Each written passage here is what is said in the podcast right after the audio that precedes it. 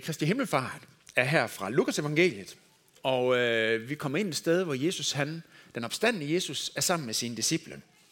Lukas evangeliet kapitel 24, vers 46-53.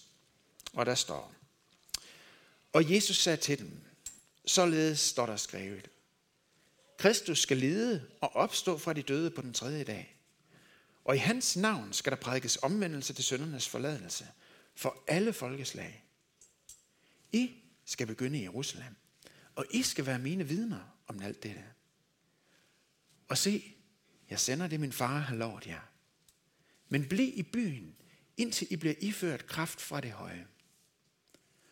Og han tog dem med ud af byen, hen i nærheden af Betania, og løftede sine hænder og velsignede dem.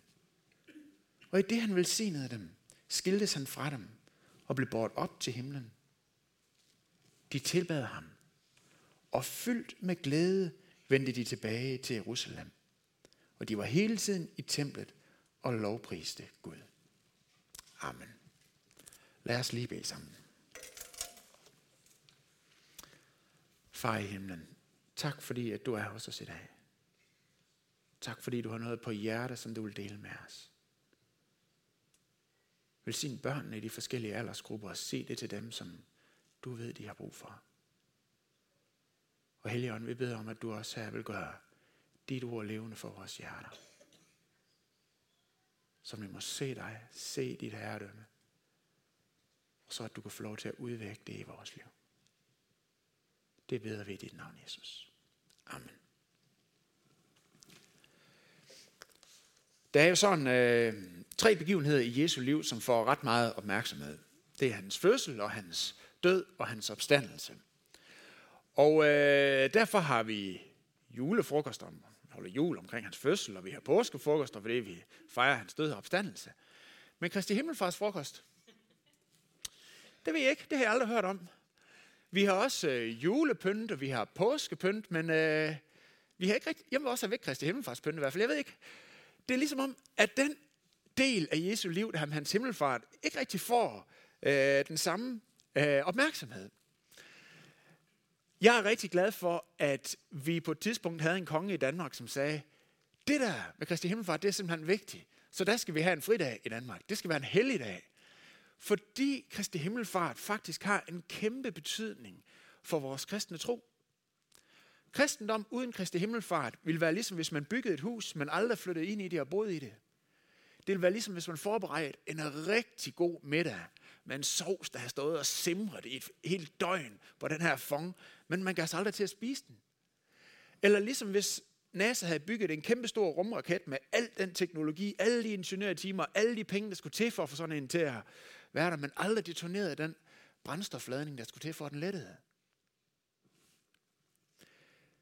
Kristi himmelfart er af overordentlig betydning, fordi Kristi himmelfart tager alt det, som Jesus var og gjorde på jorden, og forløser det helbredende kraft til hele jorden og til dit liv.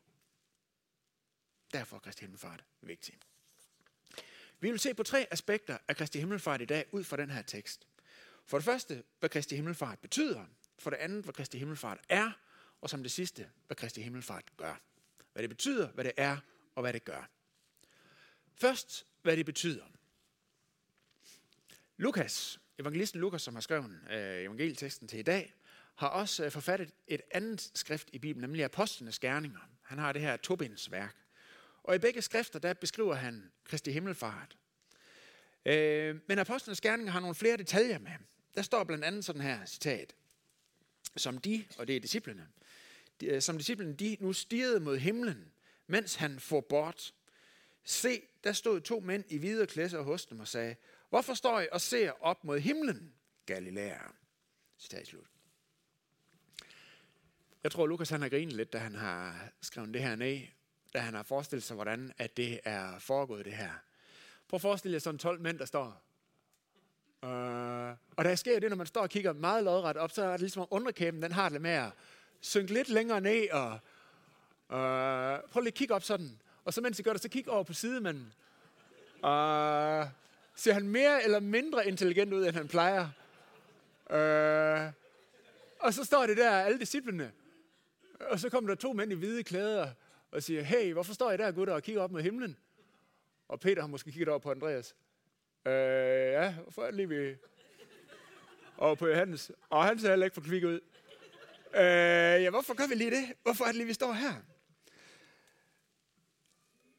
Gud han har været så flink at sende de her engle ned til, til disciplene og, og sige, hvorfor står jeg lige der? Fordi disciplene forstod Kristi himmelfart som fravær af Jesus. Og tænkte, nu er han væk, hvad skal vi så gøre? Han forsvandt den vej. Hvad skal vi? Vi ved ikke, hvad vi skal gøre. De forstod Kristi himmelfart som tab af Jesu beskyttelse, som tab af hans, ledelse, af hans ledelse. Og englene de siger til dem, kære øh, disciple, hvis I ikke fyldes af en glædesfyldt aktivitet, så tror jeg det simpelthen, fordi I ikke har fanget, hvad det er, der sker her. I har ikke fanget, hvad, hvad Kristi himmelfart egentlig betyder. For himmelfarten detonerer alt det, som Jesus var og gjorde. Hvad disciplene troede, at nu var det fraværet af Jesus, var faktisk realiseringen af alt det, Jesus han havde talt om, og på ingen måde fravær af hans ledelse og hans beskyttelse. Lige forud for prædiketeksten i dag, der har Jesus holdt en bibeltime for øh, disciplene. Og vi kan blandt andet læse, at øh, der står sådan her, Jesus sagde til dem, således står der skrevet, Kristus skal lide og dø og opstå fra de døde på den tredje dag. Det er jo ligesom det, de havde oplevet indtil nu. Så står der, og så kommer der det, der sker derefter. I hans navn skal der prædikes omvendelse til syndernes forladelse for alle folkeslag. Og så siger han, I i skal begynde i Jerusalem, og I skal være mine vidner. Se, det de havde oplevet sammen med Jesus, det startede med en mand. En mands tjeneste i et geografisk afgrænset Israel. Og Jesus siger, nu vil der simpelthen ske et temposkifte i den måde, Guds frelsesplan udfolder sig. Den går fra mig til I. Den går fra det geografiske Israel til alle folkeslag. Nu sker der simpelthen noget. Og hvad er, det, hvad er det, der skal ske her? Hvad er det, der skal ske med det temposkifte? Jesus han siger, der skal prædikes omvendelse til syndernes forladelse. Okay, indrømmet. Syndernes forladelse er måske ikke sådan det mest, øh, det, det største buzzword i en dansk sammenhæng. Syndernes forladelse. Åh, oh, fedt tænker alle måske. Men det er simpelthen fordi, at Øh, det er simpelthen det er mangel på viden. For syndernes forladelse drejer sig om, at syndens, syndens dødelige virus, som kom ind i verden med syndefaldet, med oprøret imod Gud, sådan fjerner os fra Gud. Sådan nedbryder det enkelte menneske. Sådan er det, der nedbryder relationen mellem mennesker. Og sådan er det, der nedbryder vores jord. Men syndernes forladelse på baggrund af Jesu død og opstandelse betyder, at mennesket igen, at du og jeg igen kan få en helt ny start. Hvor din fremtid og min fremtid ikke skal være defineret af vores fortid, men vores fremtid skal få lov til at være defineret af Jesu fortid. Syndernes forladelse betyder, at du kan komme ind i en helt ny og tæt relation med Gud. Med Gud som på skabelsens morgen havde skabt alting godt, og nu vil begynde at nyskabe og genskabe og genoprette og helbrede dig og mig. Og gennem dig og mig, og sammen med dig og mig, dine relationer, de fællesskaber vi er en del af, og vores jord.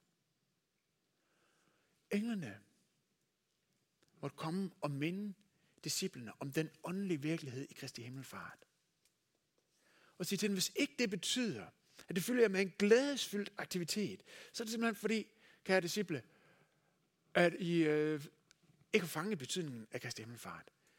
Himmelfarten er ikke fravær af Jesus, men realiseringen af næste step i Guds redningsplan. For himmelfarten betyder, at nu skal det nybyggede hus fyldes med glade mennesker.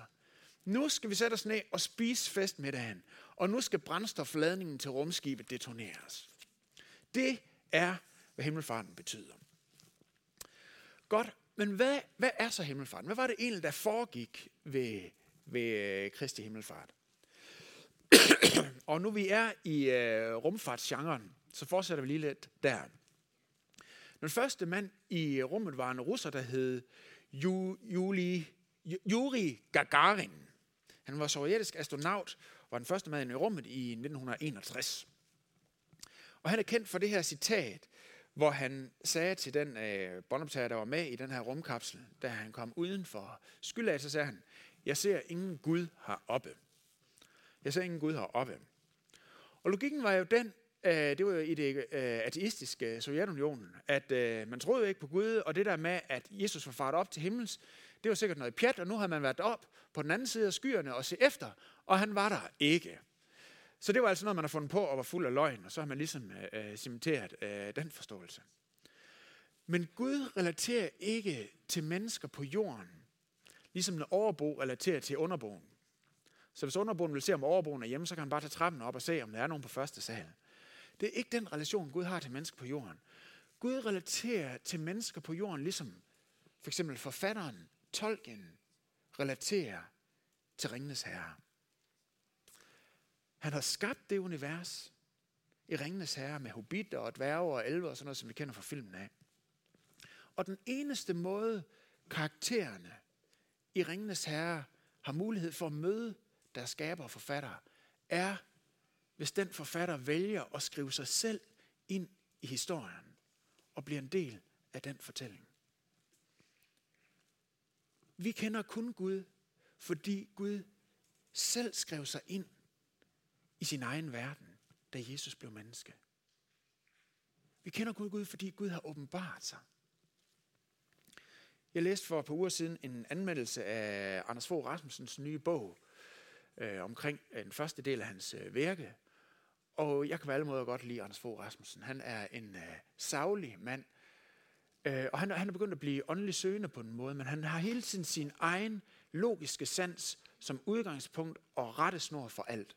Og det er faktisk godt at have i mange sammenhænge. Øh, han læser Kierkegaard, han læser øh, Grundtvig og sådan nogle ting. Og søgende.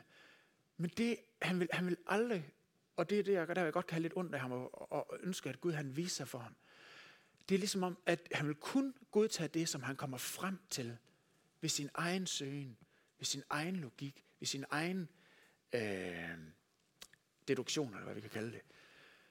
Men vi kender kun Gud, fordi at han har valgt at åbenbare sig og skrive sig ind i vores verden, da Jesus blev menneske. Og himmelfarten betyder ikke, at, Gud, at Jesus han er nu er et andet sted i den skabte verden, og hvis vi leder efter ham, så vil vi finde ham. Måske sender han ned i Andelsbjergene i en hytte og ryger Sweet Dublin eller sådan noget. Nej, det er ikke det, det betyder. Men det betyder, at han befinder sig i en helt anden dimension. At han er faret til himmels, betyder ikke, at han er i en anden del af universet. Men det betyder, at han har en anden relation til universet.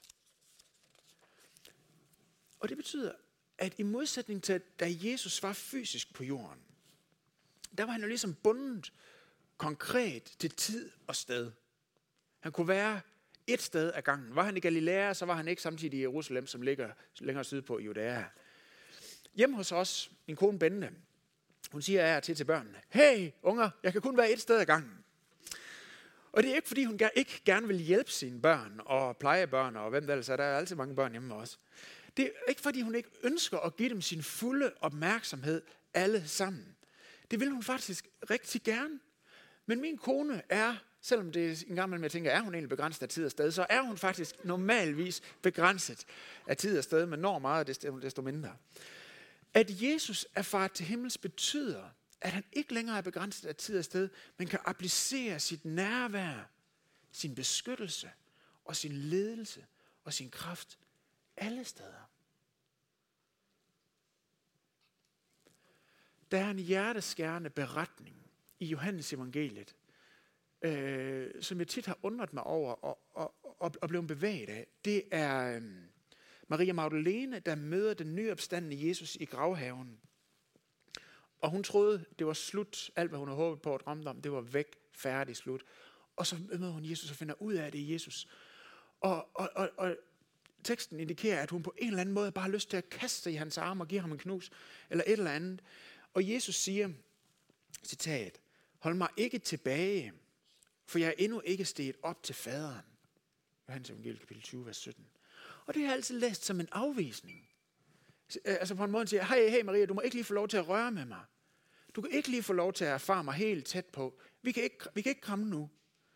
Og så med den lidt uforståelige begrundelse, som jeg aldrig rigtig har fanget, for jeg er ikke stedt op til faderen. Og jeg har indtil min forberedelse til i dag læst det som en, en, en afvisning. Det fik hun så ikke lov til. Men prøv at se, det er ikke en afvisning. Men det er en mødekommelse af hendes længsel. Jesus han siger egentlig til hende, Marie, du har været så bange for, at, at, at du havde mistet mig, og aldrig skulle få lov til at få mig tilbage. Du har været så bange for, at det, som du har håbet på, som det har givet dig nyt håb og nyt liv, at det var slut, at du aldrig skulle få lov til at være sammen med mig igen. Men Maria, lad mig far til himmels, for så vil du aldrig miste mig igen. Lad mig far til himmels, for så vil jeg være tættere på end nogensinde. Jeg vil ikke længere være bundet af tid og sted. Når jeg er far til himmels, så kan jeg være hos dig altid. Så kan vi ikke bare have mulighed for at have 10 intense minutter her, og så skal jeg videre til nogle andre, og så skal jeg også videre til Samaria, og så kan du se mig igen om 12 år, når jeg kommer til Israel igen, eller hvad ved jeg. Nej, så kan vi være sammen hvert minut resten af dit liv. Og hver kvadratmeter, hvor du går, der kan jeg være sammen med dig.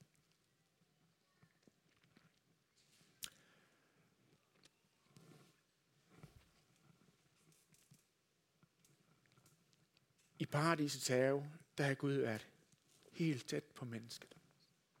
Og Jesus siger, og jeg er far til himmels venner, så kan det begynde at blive realiseret igen. Ved Helligånden. Hmm. Det er det, himmelfarten er. Vi tager lige en kunstpause. Det er det, himmelfarten er. Og hvad gør himmelfarten så? Det sidste hovedafsnit. I øh, teksten står der, de tilbad ham, og fyldt med glæde vendte de tilbage til Jerusalem.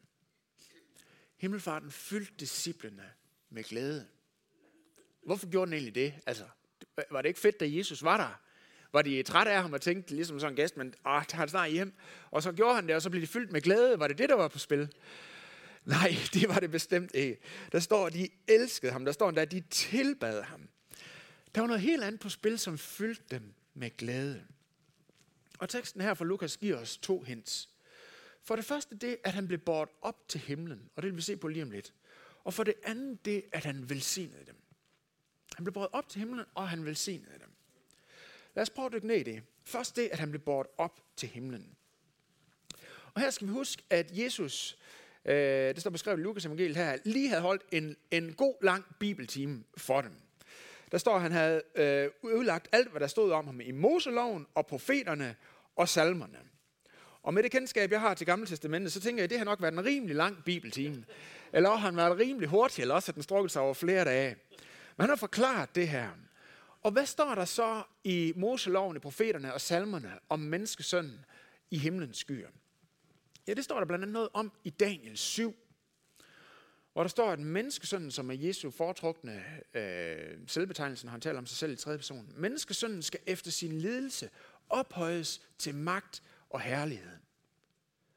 Så det har det været den umiddelbare forståelsesramme, de har forst- øh, fået for at tolke det, der skete. Netop som vi siger i trosbekendelsen. Vi tror på Jesus, som er opfart til himmels, som er siddende ved Gud Faders, den almægtiges højre hånd. Hvem er det, der sidder ved en konges højre hånd? Hvem er kongens højre hånd? Hvad betyder det, at han er far til himmels og siddende ved Gud den almægtiges højre hånd? Ved siden af kongen i øh, antiktid, der vil den operationelle leder af kongeriget sidde.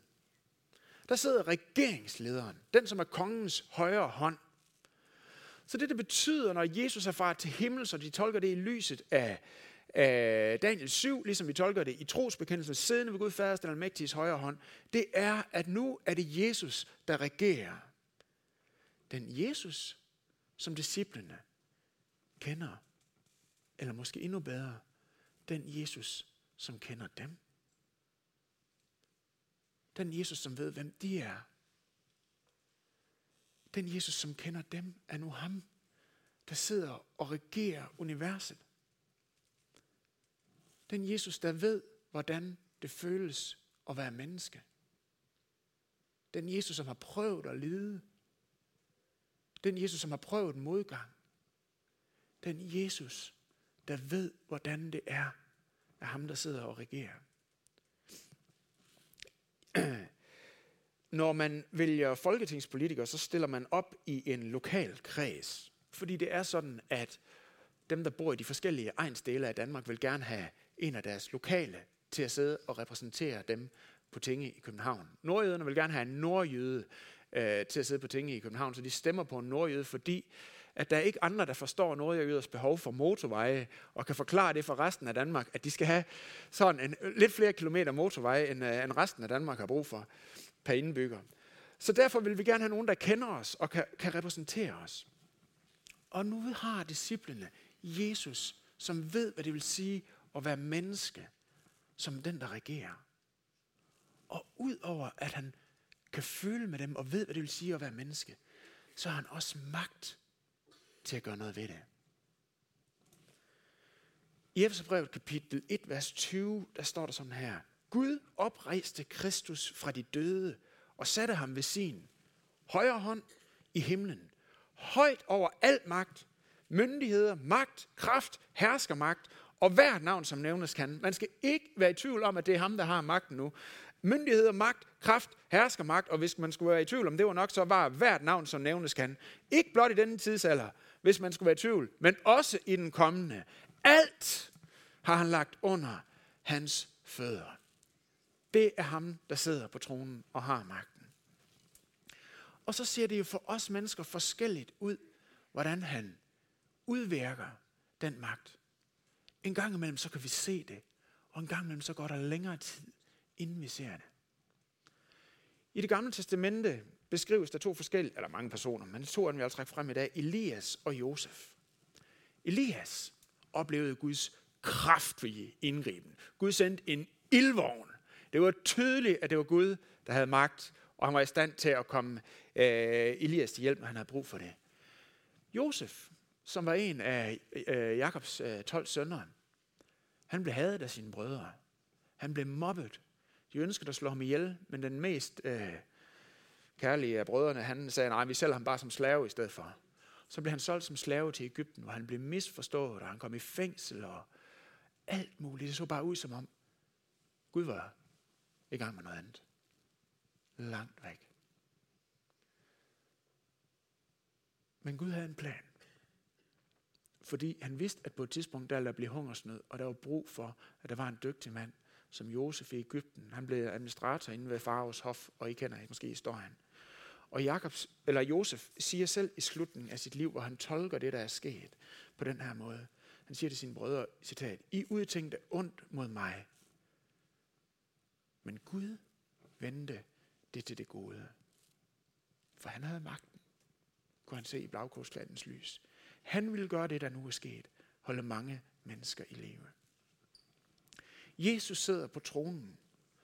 Og det betyder de facto, at ord, som vi kender og kan relatere til, er til ord som umulig, eller ord som håbløst, reelt set har mistet deres indhold. Den tager vi lige igen. Jesus sidder på tronen, og ord som umuligt og håbløst har mistet sin reelle betydning. Prøv at tænke på Paulus. Han var tyran og terrorist. Prøv at tænke på Kyprian, en af kirkefædrene. Han var troldmand. Prøv at tænke på Augustin, en anden af kirkefædrene fra 400-tallet. Han var sexafhængig. Prøv at tænke på John Newton, som skrev den salme Amazing Grace. Han var slavehandler. Men hvad betyder det? Når Jesus rejser sit scepter og siger, jeg vil gøre alt til nyt.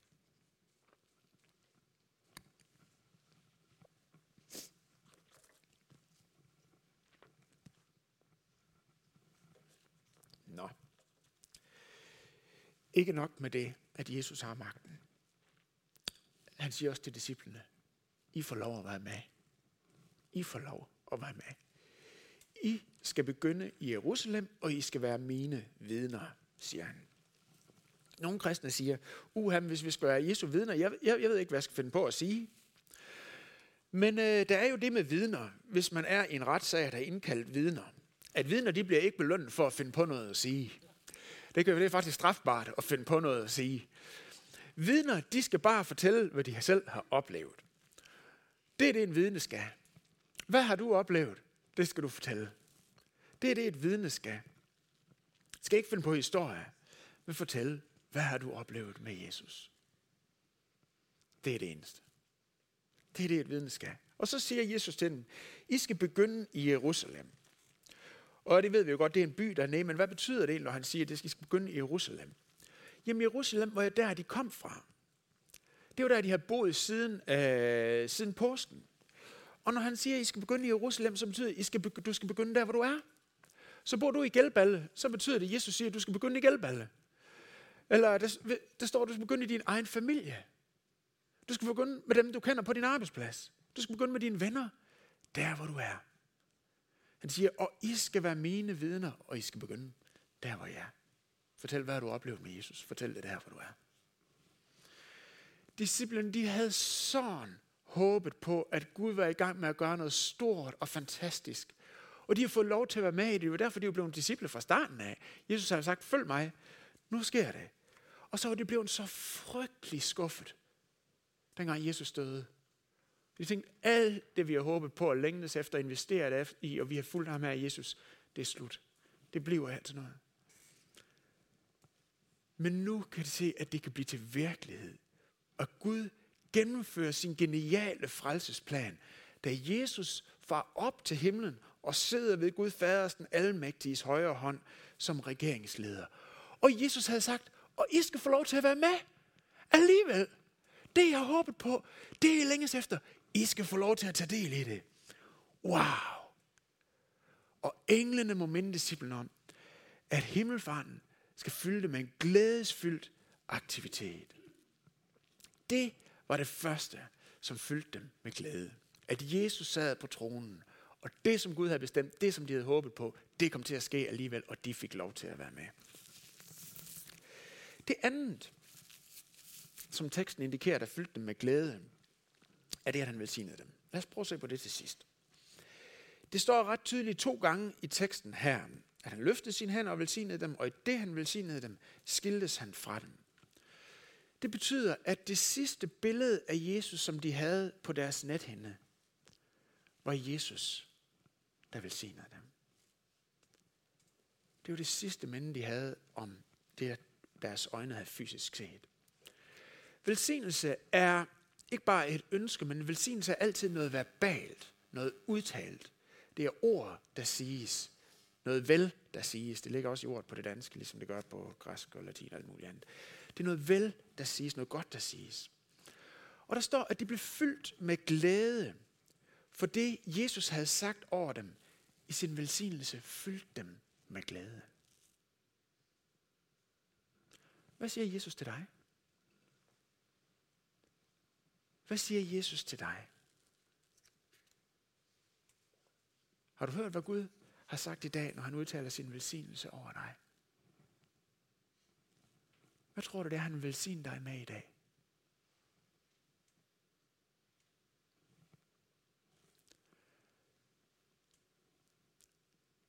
Der er en utrolig smuk beretning i Apostlenes Gerning kapitel 9 om Stefanus. Stefanus var under et massivt pres på grund af det, han troede på. Han var blevet efterfølger, efterfølger af Jesus. Og der var de jødiske ledere, de syntes bare, det var noget skidt. De havde ham for det, han gjorde. Han var kirkeleder i Jerusalem, menigheden og ledte. Øh, en af dem, der ledte det økonomiområdet. Og øh, der, hvor vi møder ham i dag, der er han i en øh, retssag, hvor de sviner ham til og hakker på ham, og deres had bare for frit løb. Og i det øjeblik får han lov til at se Jesus, som er opfaret til himmels, siddende ved Gud færdesten mægtiges højre hånd. Der står sådan her, citat. Fuld af Helligånden stirrede Stefanus mod himlen, og han så Guds herlighed, og Jesus stående ved Guds højre side, og han sagde, nu ser jeg himlen åben, og menneskesønnen stå ved Guds højre side. Der skreg de højt og holdt sig for ørerne og for alle som en løs på ham. Og de drev ham uden for byen og begyndte at stene ham. Så stenede de Stefanus, mens han bad, Herre, tag imod min ånd. Så der var en ting, de sagde på jorden. De sagde, du er hæslig. Vi hader dig. Du er grim. Vi vil ønske, du ikke var her. Det er frygteligt, det du siger. Du er dømt. Men Stefanus han fik lov til at se ind i himlen. Og i himlen sagde de, du er smuk. Du er ren. Du er min elskede. Stefanus fik lov at se himmelfarten. Han så faderens herlighed og, vi, og, og Jesus ved hans højre side. Og han så, at når faderen så på ham, så så han Stefanus i Jesus. Og Jesus skyndte ned i Stefanus. Og det var det, der var hans nye virkelighed. Og det betød, at alt, hvad mennesker ellers måtte sige, blev irrelevant. Alt, hvad de sagde på jorden, blev irrelevant og sekundært, fordi han havde set det, der blev sagt i himlen. Han havde hørt faderens velsignelse. Han vidste, at det var Jesus, som han kendte, der sidder ved Gud faders højre hånd. Lad os rejse os op og bede.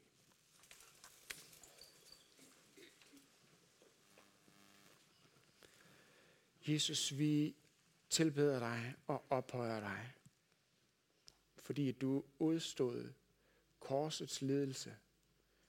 Du udstod hån og spot. Du udstod dine, venners, øh, dine venner, der forlod dig. Og du holdt ud ind til påskemorgen, da du stod op. Og vi tilbeder dig som den opstandende Jesus, der har al magt i himlen og på jorden. Vi takker dig, fordi at det er dig, som netop kan holde til at have den magt, der har den. Vi takker dig for den måde, du bruger den på. Vi takker dig, at vi må overgive vores liv i din hånd.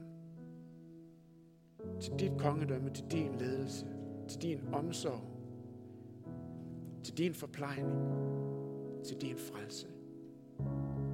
Og Jesus, vi beder at du igennem vores liv vil applicere og værke alt det, som du har tænkt dig. At indsætte alt det smukke, som du har tænkt dig i vores liv og igennem vores liv og for vores verden. At indsætte det ikke måske, men at du må blive ophøjet. Vi beder Jesus, at dit navn må blive helliget. Vi beder Jesus, at dit rige må komme i større og større grad. Og Jesus, vi beder, at din vilje måske, som i himlen, således også i Kolding. For dit er riget, Jesus, og din er magten, og din er æren. Det takker vi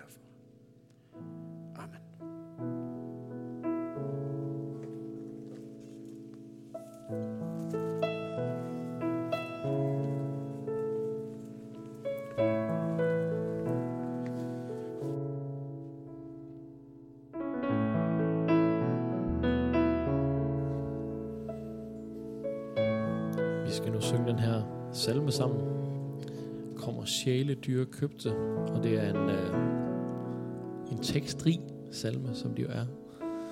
Øh, lyt til ordene, syng med. Det er en dejlig melodi, som man tager at synge med på.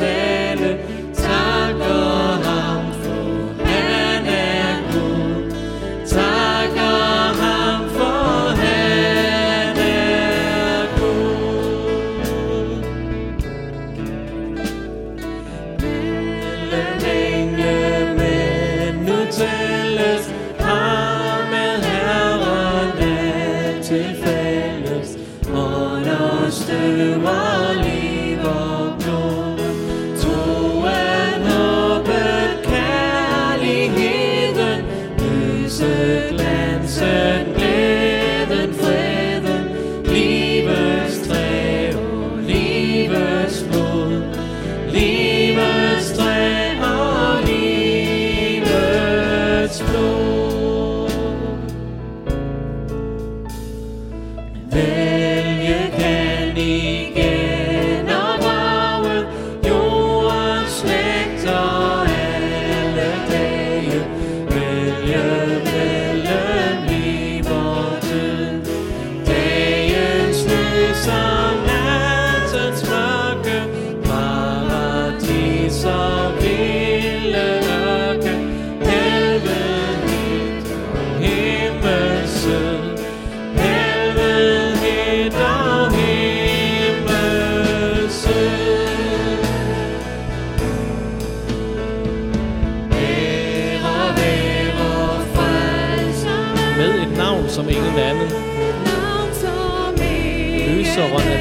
bånd.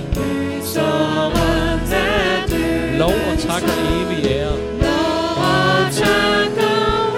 I treenigheden være. Fader, Søn og Helligånd. Fader, Søn og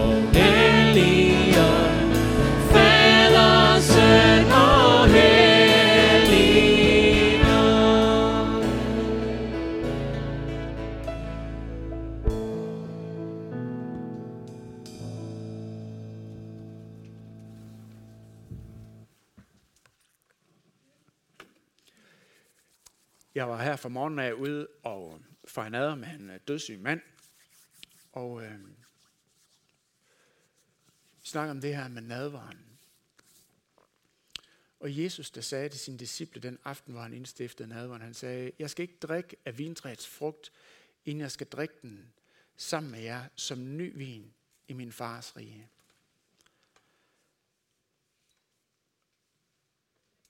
Jesus ser frem til, at han skal få lov til at genoprette alt det, som han kom for at sætte i gang, da han kom her til jorden. Og han har givet os nadveren for at minde os om det.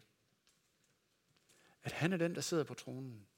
Han holder fast i målet, og han skal nok føre os til målet.